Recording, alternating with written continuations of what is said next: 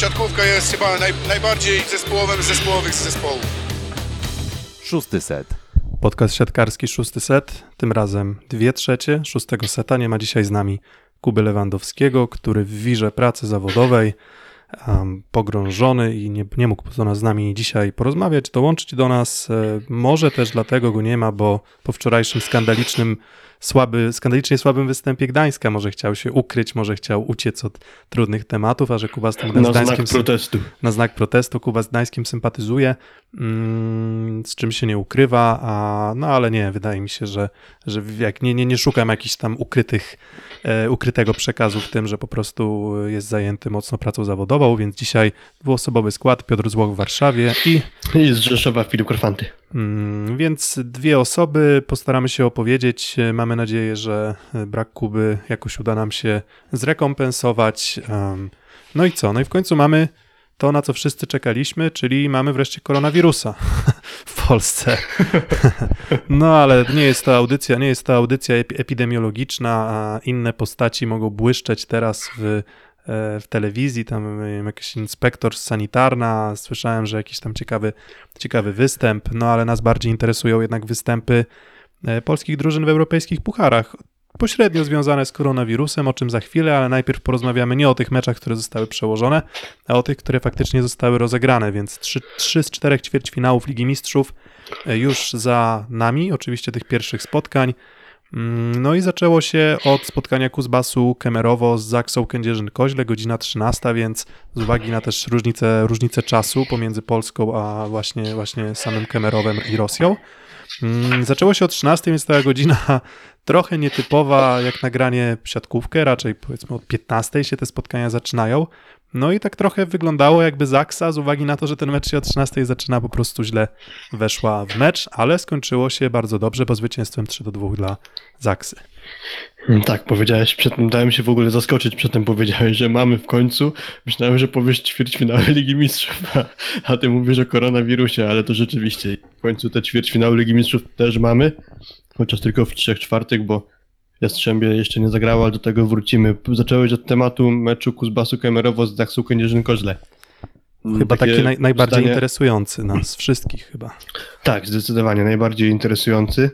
E, tak na trzy zdania rozpoczęcia dyskusji, wydaje mi się, że to nie był mecz stojący na najwyższym poziomie, co nie przeszkodziło temu, abyśmy my jako Polacy przeżywali emocje, które pozytywny sposób spotęgował wynik, bo moim zdaniem zwycięstwo w Kemerowie to jest wynik bardzo dobry. Byłby świetny, gdyby to było za trzy punkty, ale i tak jest to bardzo dobry e, rezultat, zwłaszcza odniesiony na terenie, który jest bardzo trudny, bo mistrz Rosji w swojej hali od 2008 roku, od października przegrał tylko cztery spotkania do tej pory. No właśnie Więc i wywieźć tam to nie lada, nie lada sztuka.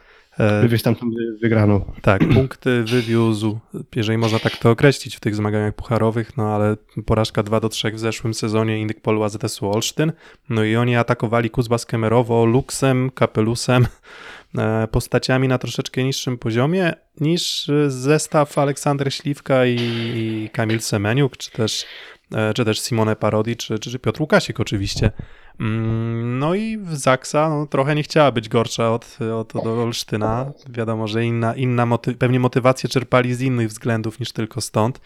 Mm, No ale po tym pierwszym secie muszę przyznać, że, że nie wyglądało to zbyt optymistycznie, bo, bo w zasadzie no, nie do zatrzymania był, był Kuzbas. E, W zasadzie, w zasadzie, jeżeli dobrze pamiętam, to oni nie popełnili chyba żadnego błędu e, w pierwszym secie w ataku i na jakiejś bardzo wysokiej skuteczności. No i Zaksa ewidentnie sobie z tym, e, z tym nie radziła. No nie, nie, nie byli w stanie też jakoś mocno ich u, uszczknąć zagrywką. No i dopóki nie byli w stanie tego robić, no to, no to Kuzbas sobie po prostu szalał i, i ten pierwszy set nie zapowiadał da, do pozytywnego dalszego rozwoju wypadku. Tak, zaczęło się to dość czarno, można powiedzieć, już minus 7 momentami było, czyli siedmioma punktami prowadziła drużyna Kemerowa. Tam mówiłeś przy tym, że oni na wysokiej skuteczności ataku skończyli nawet na efektywności 70%, bez błędu, bez bloku żadnego, Zaksa w tym aspekcie znacznie gorzej. Zresztą w ogóle jeśli popatrzymy na statystyki ogólnie, a samego ataku, no to właściwie chyba w żadnym elemencie Kędzierzynowie nie wykazali się lepszym rezultatem, zwłaszcza no, w ataku jest rozjazd, e, spory, a jedynie co jest na plus to 142 ataki z Zaksy, a 115 Kemerowa.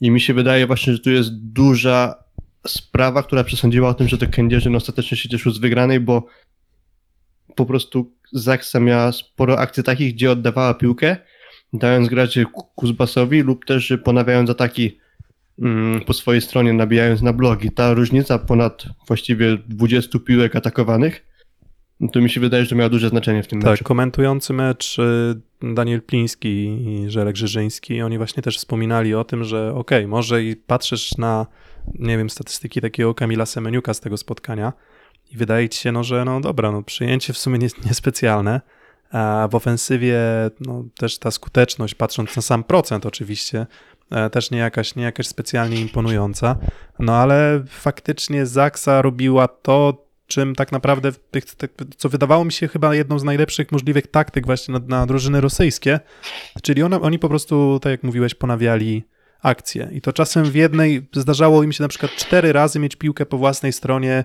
aż w końcu udało im się wbić w, w parkiet. No Arpad Barotti trochę się nie bawił w półśrodki, chociaż i on czasem jakąś kiwkę, kiwkę dał, no i właśnie właśnie, właśnie postawa, postawa węgierskiego atakującego też na pewno na, na duży plus. Mm, No i ten drugi set, no to już troszeczkę zmienił sytuację, um, bo, bo, bo, bo, bo w sumie też no, zmienił sytuację też i rezultat był inny, tak? No bo Zaksie udało się wygrać 24 do e, 26, no ale, ale to też trochę, o, trochę zmieniła się, zmienił się obraz gry, trochę większa presja na zagrywce ze strony Zaksy i, i, i, i ten mecz już zaczął się otwierać pozytywnie, mm, co nie zmienia faktu, że tak patrząc nawet na, na wynik, nie wiem, wygrany set do 24 i drugi wygrany do 26, czwarty Zaksy, to wydaje się, że jednak jak Kuzbas chyba może być lekko niezadowolony, rozczarowany, że to się skończyło 2 do 3, a nie na przykład 3 do 1. Mm, Tak, ten wygrany przez Zaksę sety drugi i czwarty były bardzo wyrównane i tam niewiele brakowało, że Kuzbas jednak się cieszył z e, wygranej, ale w sumie obie partie zakończyły bezpośrednie błędy, bo w drugim secie Wałr zaatakował Karpuchowi, to zakończyło partię. Z kolei w czwartym secie pomylił się Szczerbakow i to dało wygraną Zaksy e, w mm, czwartym secie.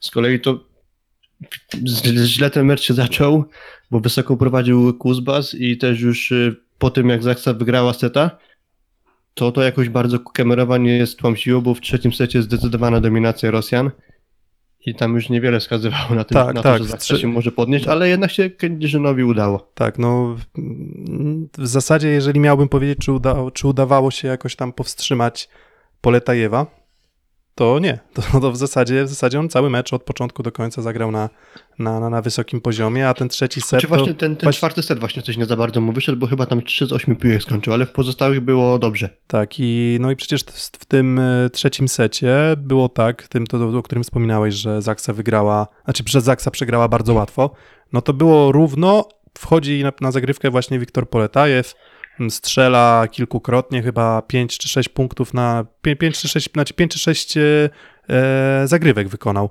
Mm, Więc taka długa seria się zrobiła, zrobił się rozjazd punktowy i w zasadzie coś tam jeszcze Zaksa próbowała walczyć, ale, ale ogólnie Poletajew mm, no, zaprezentował się z bardzo dobrej strony. No i teraz takie pytanie do ciebie, bo gdzieś tam zainspirowany dyskusją na jednej z grup e, o siatkówce mm, na Facebooku. Pytanie, czy uważasz, że Wiktor Poletajew jest obecnie najlepszym atakującym świata? Najlepszym Mówię, atakującym mówię tu, i- świata? tu, Nie. tu i teraz. Mówię o i tu obecnym w tym sezonie poziomie sportowym. Nie, myślę, że nie. Nawet na takim, właśnie chodzi mi o ten poziom sportowy chociażby, bo on też jeszcze moim zdaniem nie gra na swoim maksymalnym poziomie. Widziałem go w lepszej dyspozycji, co jest chyba właściwie no, na, na pewno, są, tak, tak, tak, tak sądzę przynajmniej, że jest spowodowane tym, że wraca po kontuzji i gra, nie wiem, jakieś 5-6 spotkań po kontuzji na pewno, a był długo kontuzjowany. To kto jest? Więc no, To tak jest ciekawe. No, musiałbym się, tak. patrząc co wyrabia. Nie, nie, bo właśnie, bo właśnie jak tak z- sobie, to- ja sobie taki rachunek, rachunek zrobiłem i tak sobie pomyślałem, okej, dobra, Zajcew, Atanasiewicz, takie sezony bym powiedział nijakie, Kurek zimuje w Mondzie, może Nimir w tym momencie też w lidze włoskiej jakiś taki poziom potrafi osiągać niebotyczny, ale, ale właśnie ci najwięksi, największe nazwiska na pewno na tej pozycji, mm, najbardziej doświad bardziej doświadczeni też od, od Poletajewa, Mm, Nie, nie, grają, nie grają po prostu w tym momencie jakiejś wybitnej siatkówki, tak? No jak, jak się obserwuje ich grę. E, Podobnie, nie wiem, patrząc na Michajłowa, na, na Sokołowa. No i właśnie dlatego ta teza nie wydaje mi się być aż taka e, nietrafiona. Jakoś bardzo nietrafiona nie, ale myślę, że no, gdybym miał stawiać, to jakoś miałbym wątpliwości wybierając Poletajewa, zwłaszcza, że no tak jak mówiłem przedtem, no, sądzę, że on może grać jeszcze trochę lepiej. Można by popatrzeć na Brazylię, jak tam gra Alan na przykład, czy e, Wallace, ale to trochę no, odległy świat, inna, inna liga zupełnie. W- Rosji przecież świetnie spisuje się chociażby Maciej Muzaj, ale nie chcę przez to powiedzieć, że to jest aktualnie najlepszy atakujący świata, no ale na pewno formę Macieja Muzaja trzeba docenić. Oprócz tego dobry sezon gra Georg Grozer, więc No tak, Mm. no tak tylko że właśnie Grozer... Grozer jest trochę tych zawodników jeszcze, których by można było mniej więcej na jednym poziomie, około jednego poziomu No ale, postawić. no ale, ale myślę, że z tym, że jest jednym z najlepszych atakujących na świecie, to, to myślę, że To na już, pewno myślę, że i- to już na pewno. I wiele wskazuje na to, że od przyszłego sezonu będzie zarabiał dużo cięższe pieniądze w Zenicie Sankt Petersburg, zastępując właśnie Georga Grozera. A sądzę, że Rosjanie raczej byle ułamków do swojego zespołu Rosjanie z Sankt Petersburga nie biorą. No i mm, wracając do samego przebiegu spotkania, no to ten czwarty set um, udało się Zaksie wypracować już taką, wydawało się, przewagę na tyle bezpieczną, że mieli tam piłkę um, setową przy zagrywce rywala, tam chyba 24-23. Nie udało się skończyć, więc jeszcze trochę emocji dali, podobnie jak trochę emocji dali w tiebreaku, no bo prowadząc 9 do 2, 10 do 4, e, finalnie wygrać tiebreaka 16 do 14, no to, to, też jest, to też jest sztuka, no bo już był taki moment, w którym no, z lekkim niepokojem patrzyłem na, i na tablicę wyników, i na to, co się dzieje na, na boisku. Ale udało się 16 do 14 Zaksa, no i w starciach polskich drużyn z drużynami rosyjskimi w tym sezonie mamy bilans 3 do 0. I to taka sytuacja, jakiej ja nie pamiętam już dawno, dawno, żeby, żeby aż tak dobrze nam szło. Więc co, gonimy tę ligę rosyjską, myślisz? Czy może już dogoniliśmy?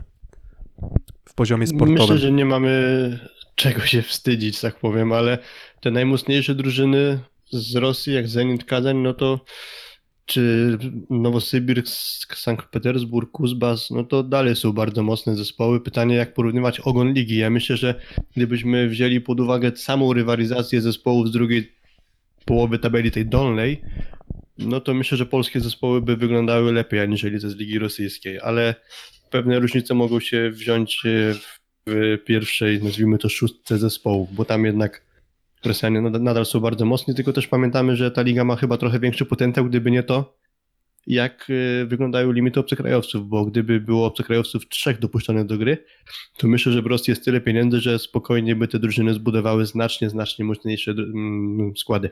Mm, No i dlatego mówię, na przykład mnie osobiście zaskakuje to, że w Kuzbasie tę pozycję obcokrajowca na przykład obstawia libero.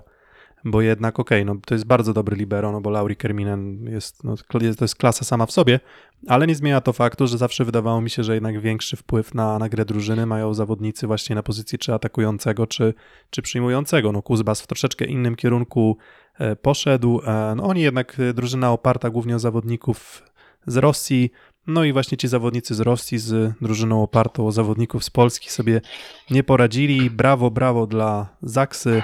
Mm, 3-2 i przed rewanżem wydaje się, że sytuacja jest dosyć komfortowa, co nie oznacza też, że, no, że, że, że możemy zakładać, że w Opolu, no bo ten mecz rewanżowy nie odbędzie się w samym Kędzierzynie, a W Gliwicach. W E, Gliwicach. Gli- Gliwicach, tak? Okej, myślałem, okej, to myślałem jakoś, że, że, że Opole mi utkwiło w pamięci, więc, więc ten mecz w Gliwicach też nie będzie taki, mm, taki oczywisty. To nie, jest, to nie jest tak, że Zaksa może tam sobie pozwolić na jakieś łatwe granie mm, i na luz i komfort psychiczny, ale, jedno, ale no to, jest, to jest świetny Wiesz, rezultat. Zak- Zaksa, Zaksa wywiozła dobry wynik z Rosji, będąc po podróży, która trwała od niedzieli.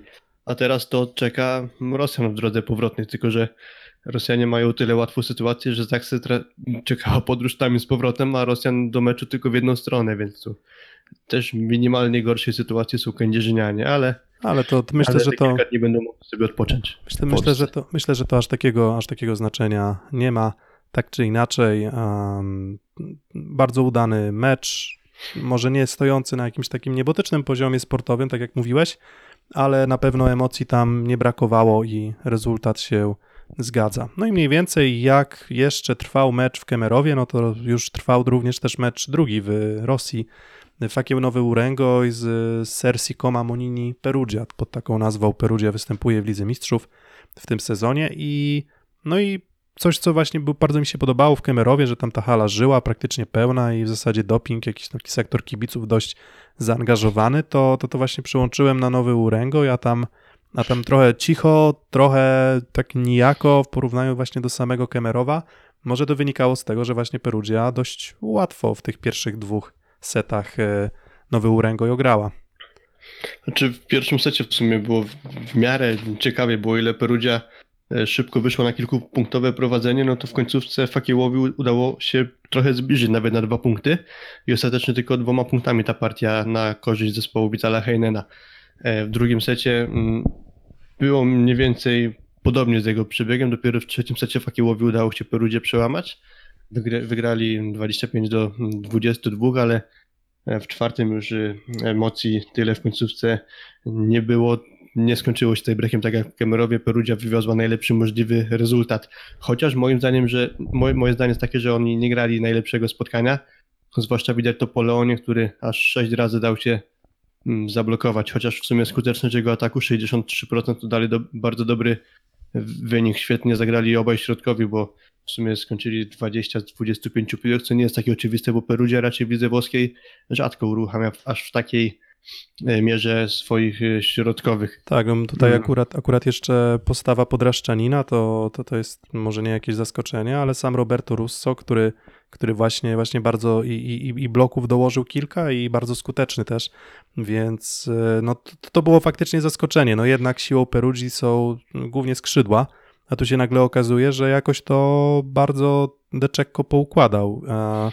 No i sam Leon też no nie, był, nie był w aż takim gazie, no oczywiście, no tak jak mówisz, jak się kończy mecz z, z z 15 skończonymi atakami na 24, no to w zasadzie trudno jest jakoś wielką krytykę e, wrzucać w kierunku Leona, ale, Tak, to ale, ale, fakt, ale fakt faktem, że, że on nie wyglądał na stuprocentową wersję siebie. No chyba tam jakaś, jakaś, jakaś infekcja, czy... czy, czy, Znaczy czy, on miał czy, przerwę w treningu, Dokładnie. niedługo, bo niedługo, ale miał przerwę w treningu, podobnie jak Filip Polanza, który w tym spotkaniu w ogóle się na boisku, znaczy wchodził tylko na krótkie zmiany, a z kolei grał w pełnym, niemal pełnym wymiarze czasowym Olek Płotnicki i moim zdaniem dobrze się spisał, bo bardzo dobrze wyglądał w przyjęciu, mm, najwięcej zagrywek w zespole i dobry procent w ataku z tylko jednym błędem, więc optycznie to jakoś wielkiego wrażenia nie robiło, ale potem jak się popatrzyło w statystyki, no to rzeczywiście trzeba pozytywnie mm, ocenić występ Ukraińca. Tak, no myślę, że no, trochę, nie wiem, czy, czy, czy źli, w sensie nie wiem, czy można mówić, że źli na siebie, ale mm, jak sobie pomyślę o tym, że no, taki fakieł nowy Urengo, w zasadzie oni, oni trzymali pierwszą akcję, potrafili uderzyć zagrywką, zdobywali punkty blokiem, a, a na końcu się okazuje, że, że, że, że wszystko to trochę lepiej robiła Perugia. I to nie jest tak, że uważam, że była jakaś przepaść pomiędzy Nowym Urengojem a Perugią, chociaż no 3-1 wydaje się wynik taki raczej jednoznacznie wskazujący, że to Perugia, Perugia była lepsza, no i też no w zasadzie sety no do 21, do 21, do 23 wygrane. To, to, to, to, to, to, to niezły mecz Urengoju. W sensie ja nie, nie, nie, nie, nie, nie, uważam, że to jakiś, że nie, można ich też jakoś mocno hejtować za, za, za, Tak, wiesz to, co, za to, jak zagrali. czytałem, sobie pomeczowe wypowiedzi Camillo Placic, trener Fakieła Nowy Urengo i fajnie to skomentował, bo uważa, że oni zagrali dobry mecz i zmusili Perugię do grania na ich najwyższym mm, poziomie. Albo z mojej perspektywy może to nie był najwyższy poziom Perugia, ale rzeczywiście Fakieł zmusił Perugię do wysiłku. To nie było tak, że Perugia sobie rozgrzewkowo to spotkanie wygrała i rzeczywiście trudno mieć do gry Fakieła jakieś duże mm, pretensje, też biorąc pod uwagę, że oni grali bez jednego ze swoich dwóch najlepszych zawodników, czyli bez Jegora Kliuki, który na boisku od dłuższego czasu już się nie pojawia, zastępuje go Denis Bogdan i postać to jest taka niezbyt jeszcze znana poza Rosją, ale trzeba przyznać, że od dłuższego czasu prezentuje się bardzo dobrze i już niedługo przypuszczam, że będziemy go w jakimś wymiarze, nawet w kadrze Rosji oglądać, bo rzeczywiście dobrze się on spisuje. Mm, No i jako, że za zmuszanie do najwyższego poziomu rywala punktów nie dają i nie dają też specjalnych, nie wiem, specjalnych plusów przed rewanżami, to, to Perugia po tym zwycięstwie 3 do 1 wydaje się, że, że te dwa sety u siebie myślę, że bez większego, bez większego problemu powinni ugrać, no ale to podobnie jak i Zaksa, no muszą się trzymać mocno na, a muszą się dość mocno trzymać i, i po prostu zrobić swoje, a, bo, bo, bo mówię, to nie, nie, to nie była przepaść, to nie było tak, że, mm, że, że, że, że Fakieł bardzo, bardzo odstawał od Perugii, no ale na własnej hali wydaje mi się, że gdzieś tam zatutem zagrywki jeszcze wzmocnionej, to, to, to, to, to wydaje mi się, że może być jeszcze trudniej Fakiełowi, nawet jeśli mają, nie wiem, czy Padara, czy Wołkowa, którzy na wysokiej piłce grać też potrafią. Mm, więc, no więc mamy reprezentanta Polski Leona w Perugii, który wygląda na to, że do półfinału Ligi Mistrzów awansuje, a na pewno się zbliżył do tego. No i mamy też kolejnego reprezentanta Polski, czyli Mateusza Bieńka. No i to jest ten trzeci ćwierćfinał. Bez historii chyba mecz tak do końca, bo w zasadzie e, Lubę wygrywa z Knakiem Rozelare. I wydarzyło się dokładnie to, czego się wszyscy spodziewaliśmy. No jednak przepaść pomiędzy ligą belgijską a ligą włoską jest bardzo duża i w zasadzie poza tym jednym setem, w którym e, w pierwszym secie mm, Knak Rozelare e, na przewagi przegrywa do 29, 31-29 z Kucine Lubę, no to w pozostałych dwóch setach już pełna dominacja Civitanowy. Tak, tylko w tym pierwszym secie mogliśmy mieć emocje i te emocje całkiem spore. Właściwie jak e, na pojedynek tak e, różnych poziomem zespołów, bo 21 do 17 prowadziło, prowadziło Lubę już w pierwszym secie, po czym skończyło się dopiero 31-29, a 6 piłek setowych miało Rozelare i nawet mieli po swojej stronie kontrę w górze, ale chyba Twerlings został bodajże wyblokowany i jednak e, partia nie zakończyła się na korzyść e, Belgów. W drugim secie zaczęło się dość interesująco, bo było 6 do 3 dla Rozelare, no ale od tamtej pory już dzieliło, rządziło Lubę na boisku, wygry- wygrywając tego seta do 14, więc jak łatwo policzyć, tam ostatnie kilkadziesiąt akcji to było mm, 22 do 8 dla Lubę, także tu deklasacja, no i ostatni set wygrany do 16, mm, zero zaskoczenia, chociaż w, w zespole włoskim nie zagrał Joandri Leal. E, Szukałem informacji na temat tego, dlaczego on nie zagrał. Nie ma żadnych wieści o jego kontuzji, być może po prostu chęć odpoczynku. Zastępującego Kowar zagrał znakomicie, bo bardzo dobre liczby w przyjęciu, 9 z 17 piłek w ataku skończone, żadnego błędu nie dał się zablokować, więc y, niewidoczny był brak jednego z dwóch kubańskich przyjmujących Tak, no coś, w co- Lubę. Tak, coś, co się nasuwa, e, czy, czy nasuwało w trakcie tego spotkania, no to jednak będąc drużyną z y, drugiego, trzeciego szeregu europejskiej siatkówki, gdy mierzysz się no, z, jednak z gigantami takimi jak Lubę, to musisz postawić na bardzo agresywną, mocną zagrywkę. E, A no, nie wiem, czy to Lubę zaprezentowało się w przyjęciu tak dobrze, czy po prostu Knak nie był w stanie ich z tą, tą zagrywką złamać, ale, ale w zasadzie no, bardzo, bardzo dużą swobodę miał Bruno, jeżeli chodzi o wybór, wybór swoich zawodników w ataku i też tak trochę statystycznie wyszło, tak, że na końcu jak tak spoglądasz, to patrzysz, ok, Bieniek 10 punktów, Simon 10 punktów, Rychlicki 12 punktów, Kowar 11 punktów, jakoś się to wszystko, wszystko ułożyło, bardzo zbalansowana gra, w zasadzie wszystkie strefy wykorzystywane, no i o samej postawie samego Mateusza Bieńka też chyba można tylko, tylko pozytywy e, opowiedzieć, bo, bo w sumie we wszystkim zapunktował, skuteczność w ataku była, zagrywka, najwięcej zagrywek w zespole. Mm, No trudno, trudno oczekiwać dużo, dużo więcej, co też pokazuje, że no gdyby miał inny paszport, to myślę, że z Simonem razem mógłby grać w składzie w lidze włoskiej, no ale niestety Liga Mistrzów pozostaje mu, a tak to, a tak to trochę te limity obcokrajowców mącą, no i ale to nie oznacza, że Mateusz Bieniek jest w złej formie, no bo jak widać jest, jest dobrze. Tak, a powiedziałeś przedtem o tym przyjęciu Lubę, no to właśnie przypomniała mi się z kolei przedmeczowa wypowiedź belgijskiego drugiego rozgrywającego Lubę, Stina Diusta. On powiedział przed meczem, że będą starali się zaskoczyć Lubę zagrywką flotem, bo Rozelare, bo znaczy w sensie, że po Rozelare tego się spodziewa, że będą starali się ich zaskoczyć flotem. E, No ale jak patrzymy na statystyki przyjęcia, że cała trójka z formacji e, tej właśnie w Lubę zagrała na ponad 70%, no to widać, że Rozelare okazało się z tym Cóż, może, swoim wiesz, plotem, być- że być może- załadowali ślepaki do Tak, Właśnie. swojego pistoletu za dziewiątego metra. Tak, być może e, flotem zaskoczyli, ale zaskoczyli tym przyjmujących, że był to tak łatwy flot do, do, No właśnie, do, do no przyjęcia i no i w zasadzie mecz bez historii i tutaj rewanż też prawdopodobnie bez historii. Zakładam, że... Dłuższa, dłuższa historia tego meczu właśnie Rozelary może mieć miejsce w rewanżu, bo w sumie jestem ciekawy, jak się rozegra teraz sprawa tego, że mecz Jastrzębia został przełożony, ale teraz dwa włoskie, dwa pojedynki z udziałem włoskich zespołów powinny się odbyć na włoskiej ziemi i pytanie, jaka gehenna czeka Knag Rozelary i ewentualnie Fagieł Nowy Uręgu, jeżeli oni do Włoch nie będą chcieli się udać. No i płynnie przechodząc, y, zacząłeś temat, no to już może go pociągnijmy. Mówiliśmy trzy z czterech spotkań, no i jedno spotkanie polskie, drugie Jastrzębski Węgiel z Trentino, mm, mecz wyjazdowy. No i Jastrzębski Węgiel wydał oświadczenie, od tego się w sumie zaczęło wszystko, że oni no, nie chcą jechać i oni nie pojadą na mecz do, do Trentino.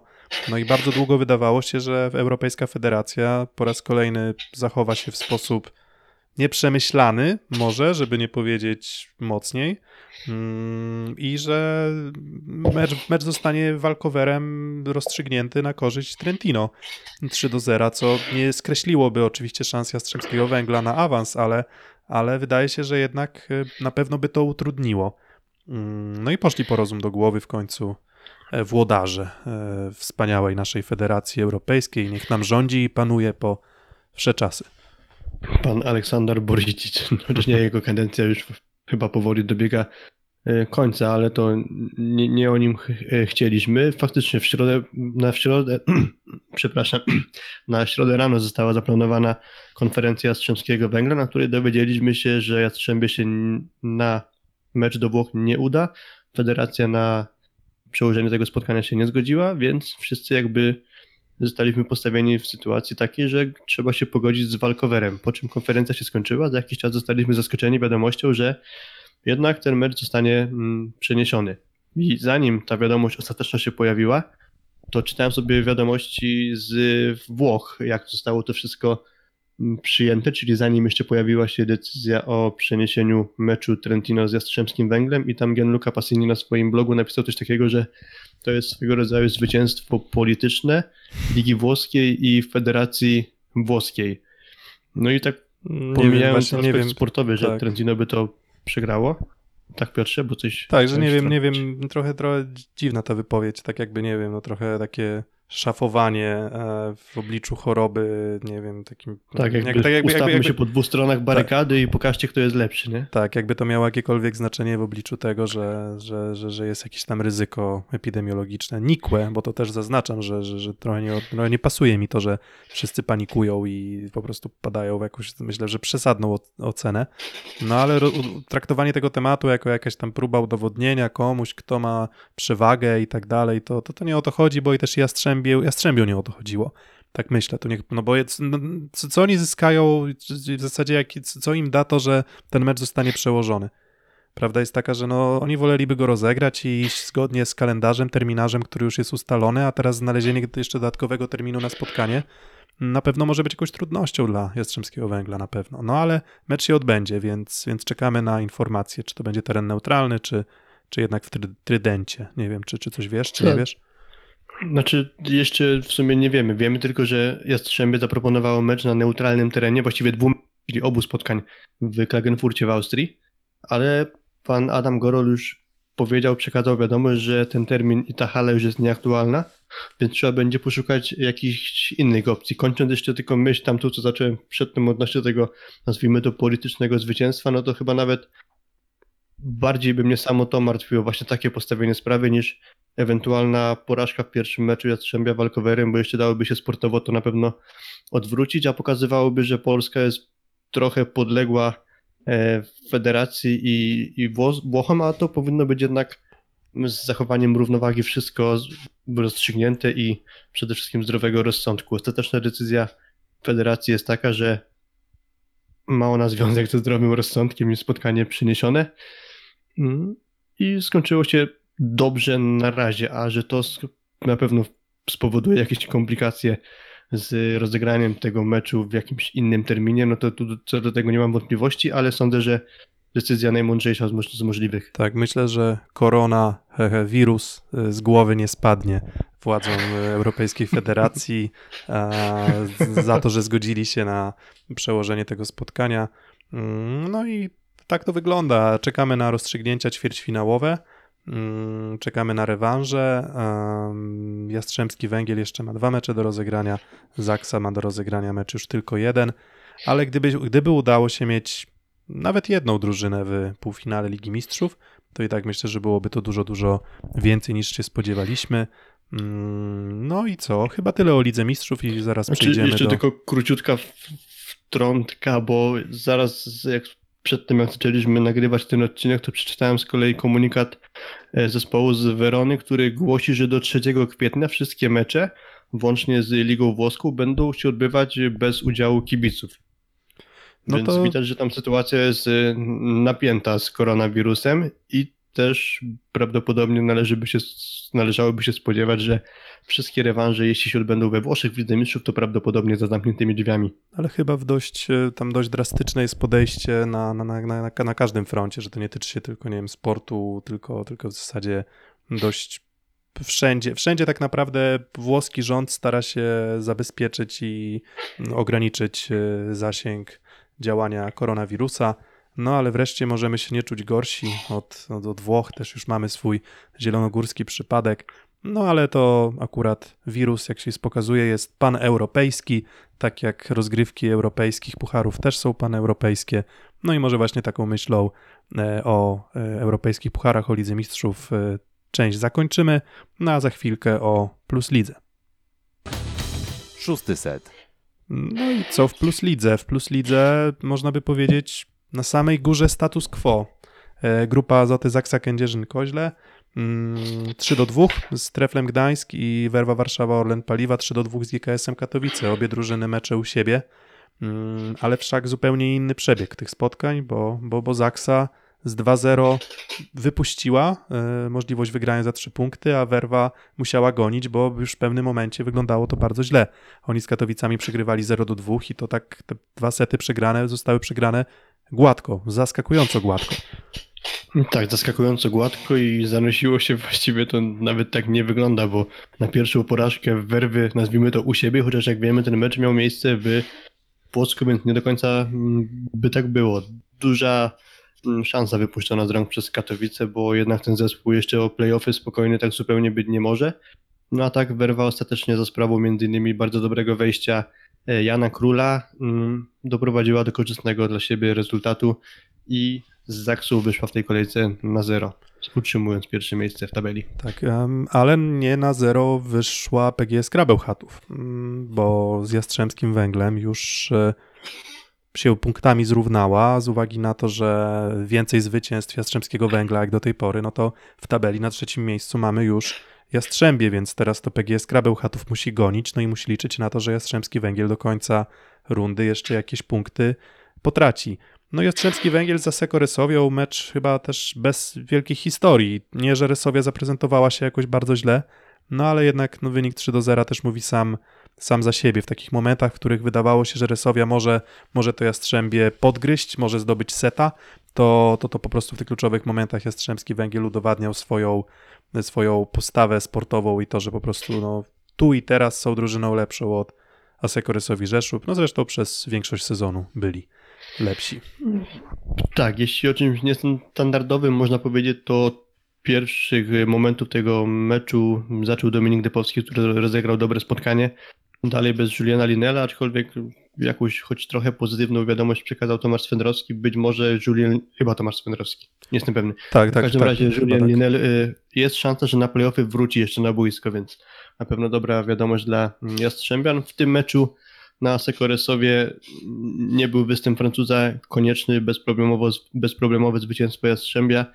Mm, Z kolei PGS Kra, piąty mecz i tylko dwa punkty na koncie Bełchatowian, wygrany jeden z meczów 3 do 2, a oprócz tego same porażki bez zdobyczy punktowej. I w sumie tak dosyć z kwadratu wyrwany niespodziewanie Mila Debadipur, który wydawałoby się, że no może nie do końca jeszcze zdrowy, no to widać, że sytuacja jest na tyle Właśnie natężona, tak pamiętam mi się wydaje, Bełchatowie, pamiętam- że jednak trzeba było Pójręczyka sięgnąć. po powrocie z y, turnieju eliminacyjnego azjatyckiego e, Skra właśnie pisała, jak to zdrowie zawodnika jest najważniejsze. No to nie wiem, czy tam Milat Ebadipur był w pełni zdrowia obecnie, więc nie wiem, jak to było z tym zdrowiem, które jest najważniejsze. Może coś mi się pomyliło, nie wiem, ale wydaje mi się, że jednak pamięć mam niezłą.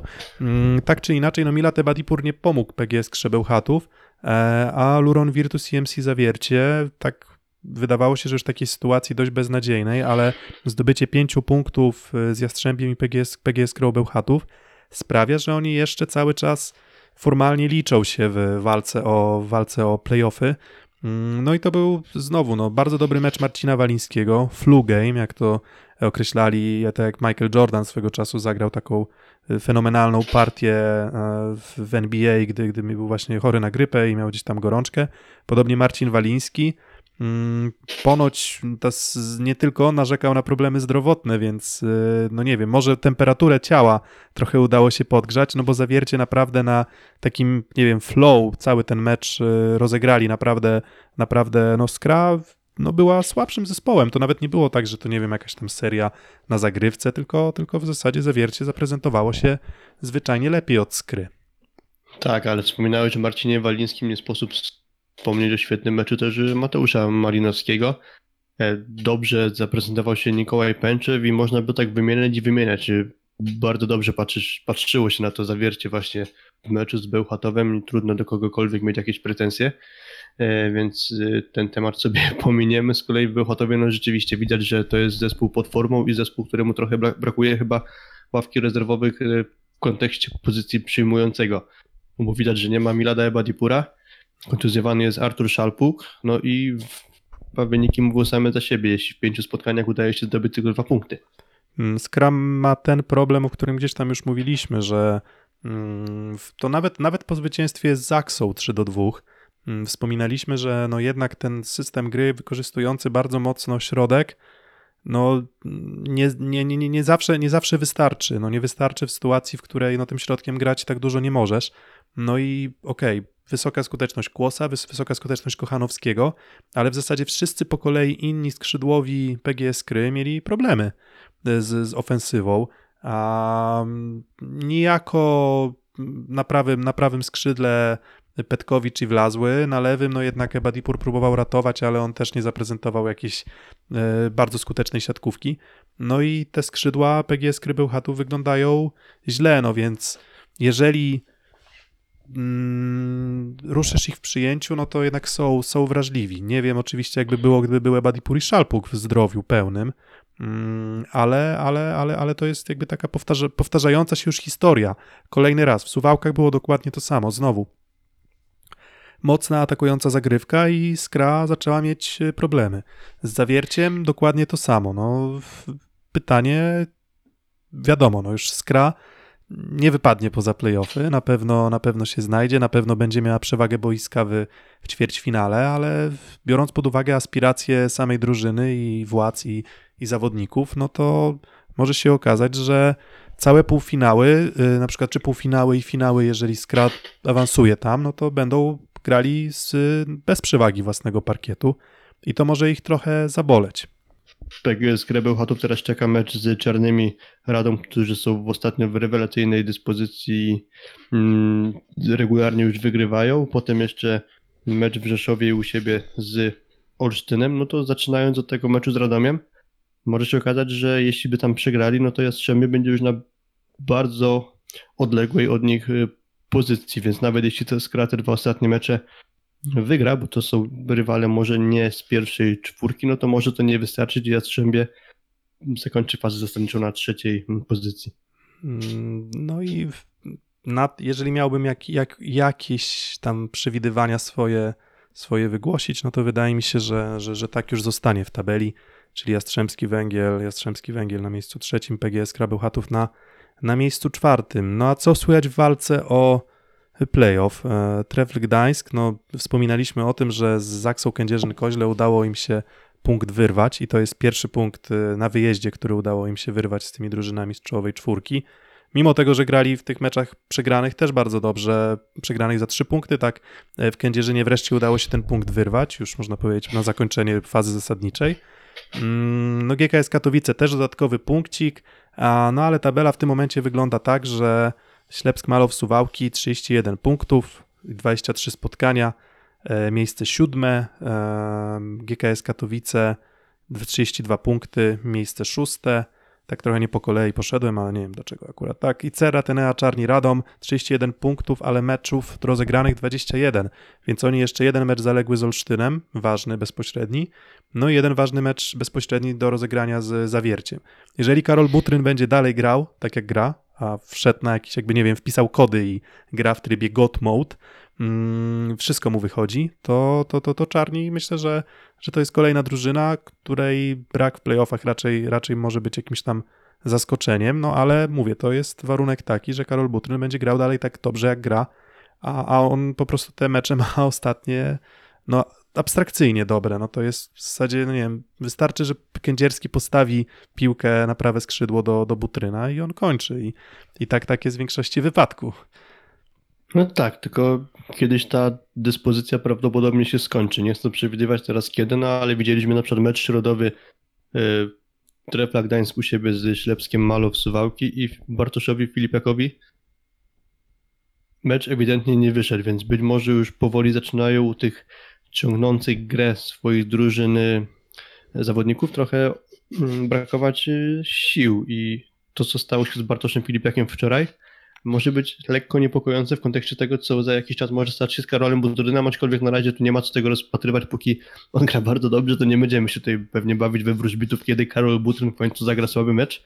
Na razie może po prostu Kiedyś- napawajmy się tym, co on potrafi prezentować, bo, bo oglądać coś świetnie i niech ta jego dyspozycja trwa dalej, bo, no bo naprawdę ogromna przyjemność patrzeć na to, co ten zawodnik wyprawia momentami. Tak, on, on właśnie specjalnie się półśrodki nie bawi, tylko po prostu po prostu zdobywa punkty, idzie, idzie i też wykorzystuje swoją siłę i, e, i precyzję i po prostu, po prostu zdobywa punkt za punktem i, i no bez niego, bez niego Radoma, Radomia na pewno by nie było w, w okolicach Tak, playoffów. nie, zast- nie, nie zastanawia się nad tym, ile on ma wzrostu i co kto o tym sądzi, tylko po Tak. prostu idzie w górę i, i, i ładuje, no tak to można powiedzieć. Tak, no i, no i, no i Suwałką, i Suwałką załadował tych punktów chyba 30 w meczu czterosetowym. No i właśnie jeszcze a propos meczu, no to nie możemy nie wspomnieć o tym, że mamy rekord wreszcie w długości seta.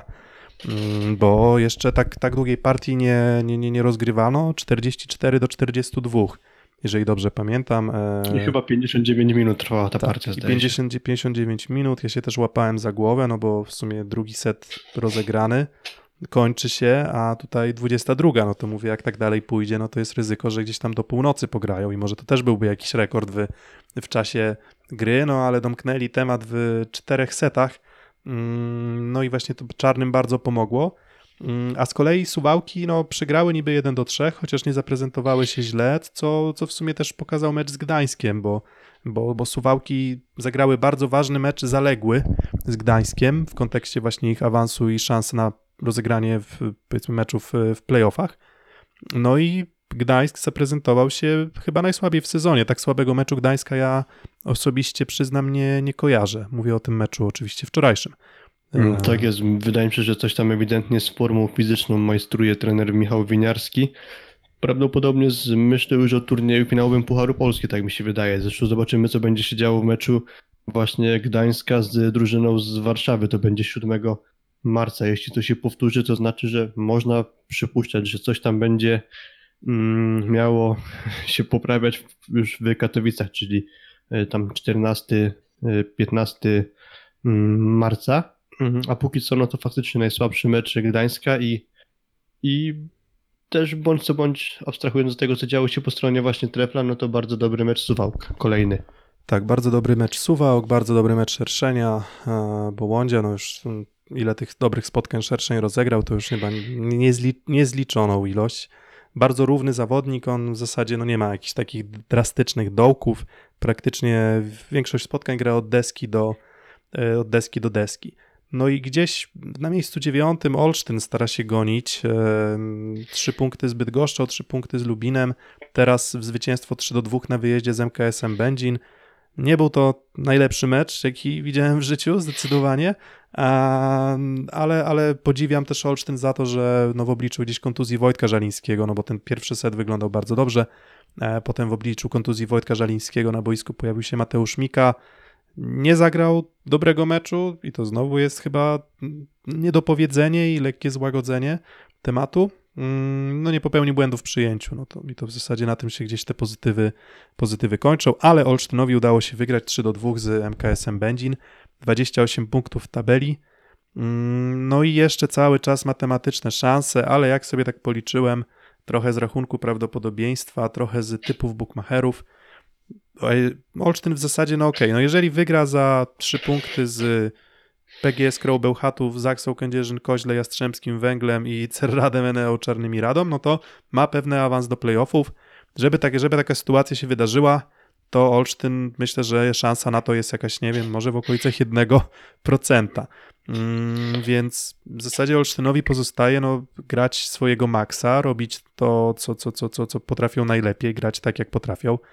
E, Forma idzie w górę, czy to wystarczy na zdobycie takiej liczby punktów? No bardzo, bardzo wątpię, jestem raczej sceptyczny. No tak, to można powiedzieć, że kalendarz właściwie jakiś jak z koszmaru, bo rewelacyjnie dysponowani ostatnio y, Czarni, Zachsa Kędzierzyn Koźle, Jastrzębski Węgiel i Skra Bełchatów dopiero na końcu, więc można liczyć, zakładać, chyba należy, że Bełchatowianie w tak słabej formie aż do około 20 marca nie będą, więc to będzie też bardzo trudne zadanie przed Olsztynem. Tak, co prawda może być tak, może być tak, że PGS Krabełchatów już będzie miała jakby rozstrzygnięty temat, tak, że, że nie musi koniecznie wychodzić podstawowym składem, bo, bo, bo, bo, bo, bo możliwe, że już Jastrzębski Węgiel sobie zapewni to miejsce trzecie i wtedy PGS Krabełchatów, no ale to różnie bywa, czasami bez presji gra się łatwiej. No ale tak, no właśnie, dobrze wyglądają suwałki. Radom ma jeszcze 15 punktów do wyjęcia z boiska i nawet zakładając, że Bełchatów będzie ostatni mecz y, fazy zasadniczej grał o nic, to te 3 punkty straty Olsztyna nie, w niezbyt dobrej sytuacji y, w kontekście awansu do playoff stawiają tę drużynę. Także no, Tak, bardzo, bardzo trudna plus sytuacja taki, plus też. taki, że wracając na moment tego meczu z Będzinem, że Wojciech Żeliński z tego co tam czytałem, to on nie jest kontuzjowany, tylko raczej to była decyzja po prostu Daniela Castellaniego, że pojawi się Mm, Mateusz Mika na boisku. Jeśli by się zdarzyło, że Mówi, jeszcze mówił, że nie, nie-. Nie, to, to, to, to była jakaś kontuzja, delikatna, nie wiem, zakładam, że może jakieś naciągnięcie, e, naciągnięcie mięśnia, mm, bo widać było, że trochę jakby na sztywnych nogach odbija piłkę Wojtek nawet na, na rozgrzewce, na rozgrzewce, czy powiedzmy pomiędzy setami.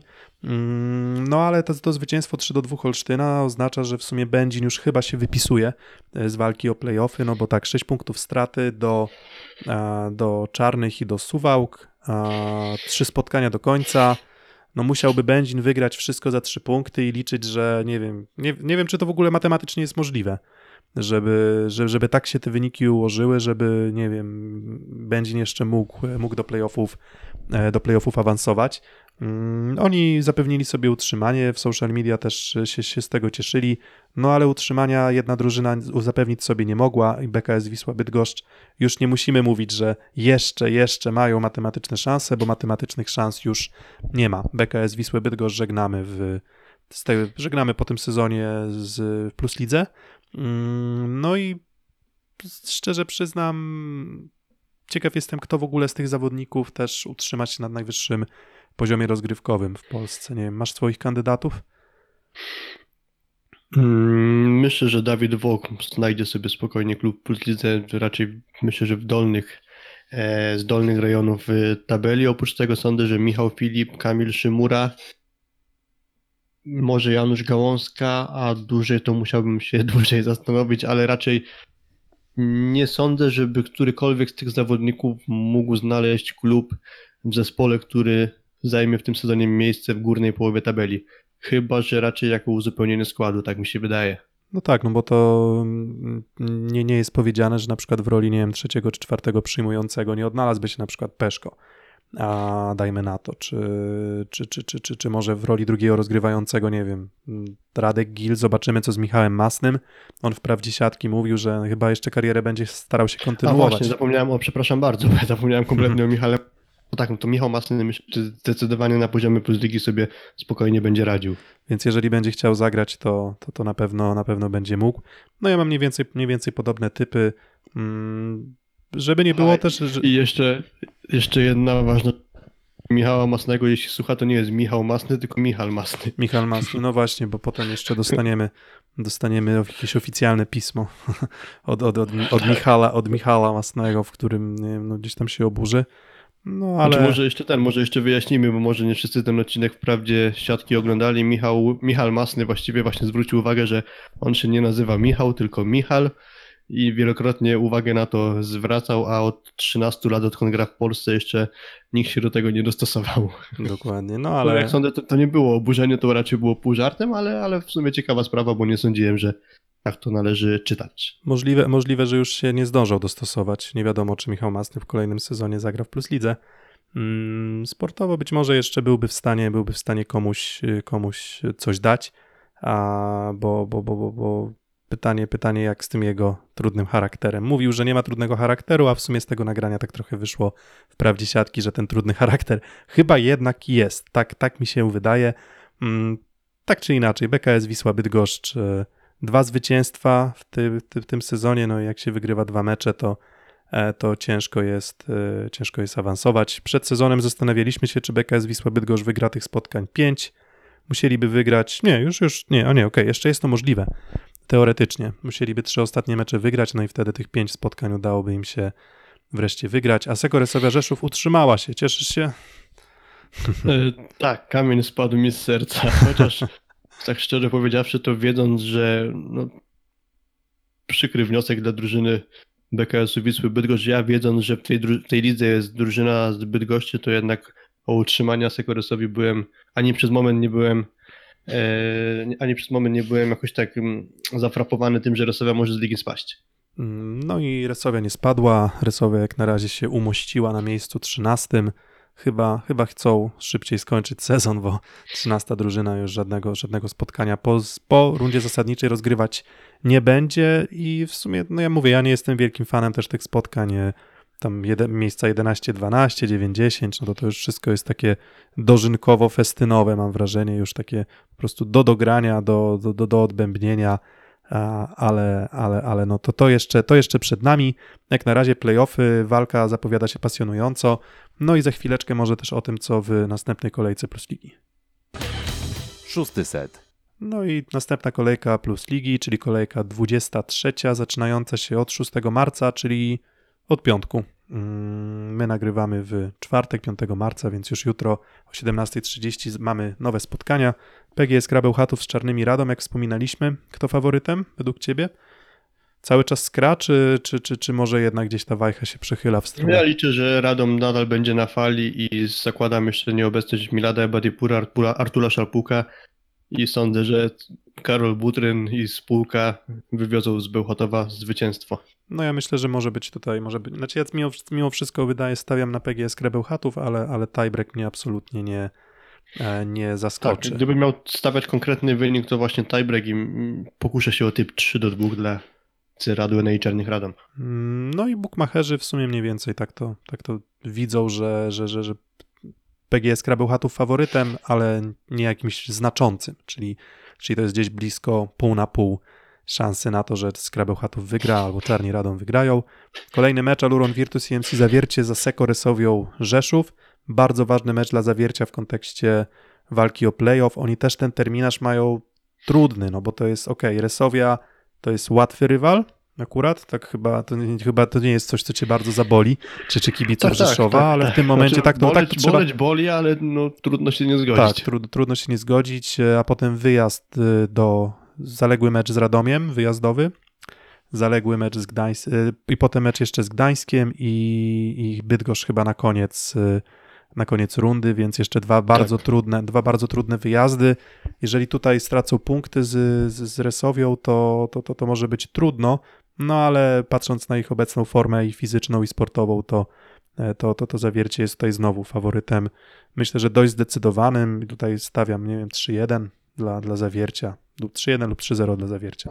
Tak, dość niespodziewanie zawiercie przegrało w Rzeszowie na podpromiu, ale tutaj idąc y, właśnie za ciosem po dobrym stylu pokonaniu PGS Krybełchatów, jeszcze atut własnej mm, hali Resowia, która już właściwie mm, niemalże zakończyła sezon, bo, bo to 13 miejsce raczej już zmianie nie ulegnie, także dla mnie faworytem zawiercie i trzy punkty dla tej drużyny. Tak bym No.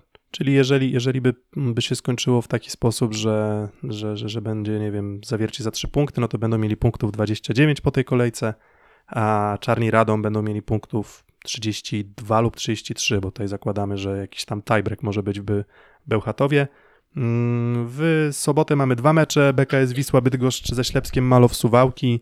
Mm, Ciekaw jestem, czy, czy, czy, czy, czy no, trener Bydgoszczy będzie próbował, może nie wiem, zda, może spróbuje dać szansę zmiennikom, biorąc pod uwagę, że, e, że, że, że, że Bydgoszcz już spadła oficjalnie i już, już nic ich nie uratuje, no chyba, że jakiś tam zakulisowy zielony stolik. Mm, No a Ślepski Malow Suwałki, no też znowu, no, murowany faworyt tego spotkania. Pokazali w Gdańsku bardzo dobrą grę, więc w zasadzie tr- pytanie, co miałoby się zmienić przez następne, nie wiem, przez te dwa dni, że, czy trzy dni, że, e, że, że Suwałki z Bydgoszczą po prostu nie, mm, nie zagrają na tak dobrym poziomie, więc tutaj mówię, myślę, że też trzy punkty w ciemno dopisuje Suwałkom. Mm, Czyli pewnie Bydgoszcz coś tam uszczknie, znając, znając, takie, znając takie typowanie, ale, ale myślę, że tutaj też bez, bez, bez y, jakichś tam emocji większych mecz pewnie będzie. Nic tutaj nadzwyczajnego nie wymyślimy. Wszystko wskazuje na to, że Suwalszczanie trzy punkty z Bydgoszczy wywiozą. No właśnie, a czy coś wskazuje, że Indyk Pola ZS Olsztyn może zdobyć punkty z Zaksą, Kędzierzyn-Koźle? No Gdańsk potrafił, Olsztyn trochę zwyżkuje z formą. Jeżeli Wojtek Żeliński będzie zdrowy, no to, to, to, to, to ta gra wygląda naprawdę w porządku. Dobra forma Sejeda, wreszcie dobry mecz Hadrawy. No i zmęczenie Zaksy, może to będzie jakiś e, argument, tak jak wspominałeś, jakoś tam Tak. droga, droga daleka z Kemerowa. Raz, że droga daleka tam jest z powrotem do Kemerowa, a dwa, że już w niedalekiej perspektywie rewanż z Rosjanami, arcyważny moment sezonu. Więc biorąc pod uwagę te okoliczności, Olsztyn na straconej pozycji nie stoi, aczkolwiek nadal bym stawiał na wygraną Zaksy. No bo Zaksa też, no to nie jest tak, że oni nie grają o nic w lidze. A, i myślę, że no tutaj plus też szero, dość szeroka drużyna, jeszcze dość szeroka ławka i Zaksa ma też kim grać e, ze, zmiennik, ze zmienników, więc nawet jeżeli któryś z zawodników miałby jakieś, nie wiem, delikatne problemy, nie wiem, fizyczne po, po tym długim meczu w Kemerowie i po podróży, to, to na końcu wydaje mi się, że, że, że, że Zaksa jakość sportową ma. Natomiast no myślę, że to może być tiebreak. Może, może. Raczej bym powiedział, że Zaksa za 3 punkty 3-1, ale, ale, ale daje jakiś tam mały margines, margines błędu, że, że może jakieś takie dwa wyrównane sety Olsztynowi uda się wyrwać, ale, ale mimo wszystko do zwycięstwa faworyt dla mnie to jest Kędzierzyn. Nie wiem. Czy... Okej. A- 8 marca, godzina 18, Trewel Gdańsk i kontra Werwa, Warszawa, Orlen, Paliwa. Tak, No i właśnie, forma fizyczna Trefla Gdańsk w ostatnim czasie, właściwie wczoraj wyglądało, wyglądało to dramatycznie. Raptem kilka dni przyjeżdża aktualny lider tabeli. I Mm, w kontekście tego meczu w Pucharze Polski właśnie Gdańszczan, no to sądzę, że to właśnie jest jakiś cykl przygotowań i wydaje mi się, że założenie nie będzie takie, że już teraz meczów z Warszawą Gdańszczanie mają być w dobrej formie, dlatego mm. po tym, co zobaczyłem wczoraj, sądzę, że Werwa faworytem. No tak, no Warszawa też nie, nie, nie, jest w jakiejś e, bardzo ekskluzywnej formie w tym momencie, bo, bo, bo z Tak, Katowicami, tak, Bo, bo z Katowicami też, też stracili punkty. A nie sądzę, żeby Gdańsk był w stanie zagrać drugi mecz taki, taki słaby, mm, co, co, co z Suwałkami, ale, ale, ale no tutaj też faworyt wydaje się być jednak e, jeden plus no też taki styl gry Warszawy z z, z, z, bardzo dobrym blokiem, no to, to, to jeżeli będą w stanie odczytać zamiary Marcina Janusza, no to łatwo mieć nie będą. No ten pierwszy mecz na, na Torwarze wygrany przez Warszawę 3 do 0. Niby tam, dość, niby tam sety niektóre wyrównane, ale, ale, ale no jednak, jednak wynik idzie w świat. Tutaj 3 do 0 może nie, ale, ale znowu Warszawa na pewno faworytem. No i też chyba faworytem Jastrzębski Węgiel z GKS-em Katowice. Ostatni mecz kolejki 20.30, a nie, przepraszam, jeszcze Kuprum Lubin i MKS Będzin grają w poniedziałek. Ostatni mecz niedzielny o 20.30 na, na sam wieczór, na koniec weekendu. GKS Katowice, Jastrzębski Węgiel. No i znowu, no jeżeli Katowice zagrają tak, jak zagrały dwa sety z Warszawą, no to Jastrzębie się może trochę napocić. No ale Jastrzębie ma ten atut, że, że nie grało w europejskich pucharów teraz, więc, więc też pewnie większa świeżość, jakiś trochę więcej, więcej energii. No i też, też, też faworyt, też faworyt i mm, tutaj mm, różne, różną Te dwa historię. wygrane sety Katowic w Werwie może trochę zaburzają ogólny obraz formy katowickiej drużyny, bo w trzech ostatnich spotkaniach mają trzy porażki, więc to może o czymś e, świadczyć. Też biorąc pod uwagę właśnie, że Jastrzębie ma za sobą raczej tydzień spokojnego treningu, aniżeli e, jakieś granie spotkań, no to myślę właśnie, że faworytem jest e, drużyna Jastrzębskiego Węgla, która pewnie będzie mocno bić się o zajęcie tej trzeciej lokaty, aniżeli czwartej. Tak, Odpuszczenie po prostu Tak. walki z SPG Skrą. bardzo ważne punkty dla Katowic, ale, ale Katowice jeszcze dwa mecze ważniejsze niż ten mają przed sobą, bo, bo oni do końca, do końca sezonu już y, wszystkie mecze rozegrają y, na własnej hali.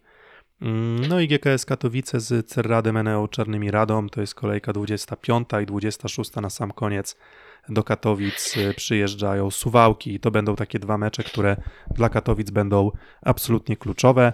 Mm, No i te mecze będą kluczowe dla Katowic, no ale będą też kluczowe dla wszystkich tych, którzy gdzieś tam się czają za ich plecami, czy, czy, czy powiedzmy, czy dla Olsztyna, czy dla Zawiercia. No ale jeżeli tak już powiedzmy finiszując, coś się zmieniło w twoim, twoich typach do awansu do playoffów? Czy, czy, czy myślisz, że już status quo zostanie zachowany, czy jeszcze, nie wiem, czy Zawiercie, czy Olsztyn powalczą według ciebie? Gdyby było tak, jak e, widzieliśmy wczoraj, tylko w drugą stronę, czyli to jednak Gdańsk by wygrał, a Suwałki pozostałyby bez punktu, to myślę, że coś by się jeszcze mogło zmienić.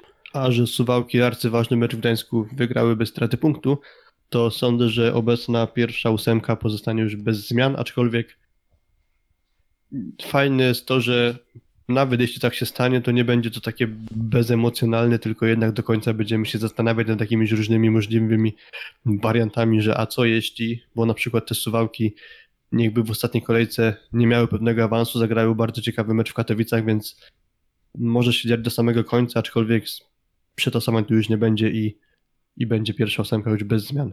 Mm, No i ja też się skłaniam ku takiej tezie, ale niech walczą do końca, niech wygra najlepszy, mm, niech e, w playoffach zagrają drużyny, które na to najbardziej zasługują.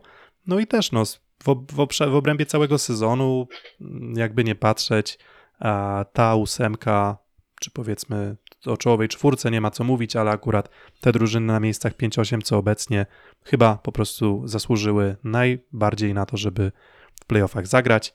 No a co się, a co się wydarzy, no to oczywiście zachęcamy do oglądania Plus Ligi, e, zachęcamy do komentowania też naszego podcastu, czy się zgadzacie, czy nie zgadzacie. E, dzięki, że jesteście z nami i za uwagę dziękuję w dzisiejszym odcinku Piotr Złoch.